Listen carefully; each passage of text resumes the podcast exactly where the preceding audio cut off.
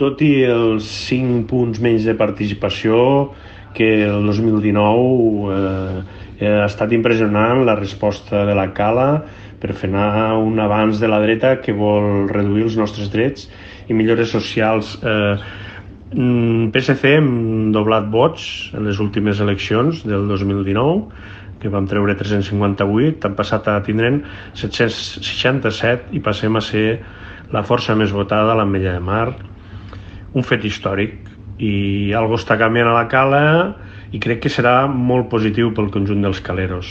Els veïns han entès que ens jugàvem molt i els caleros han respost amb contundència i claretat.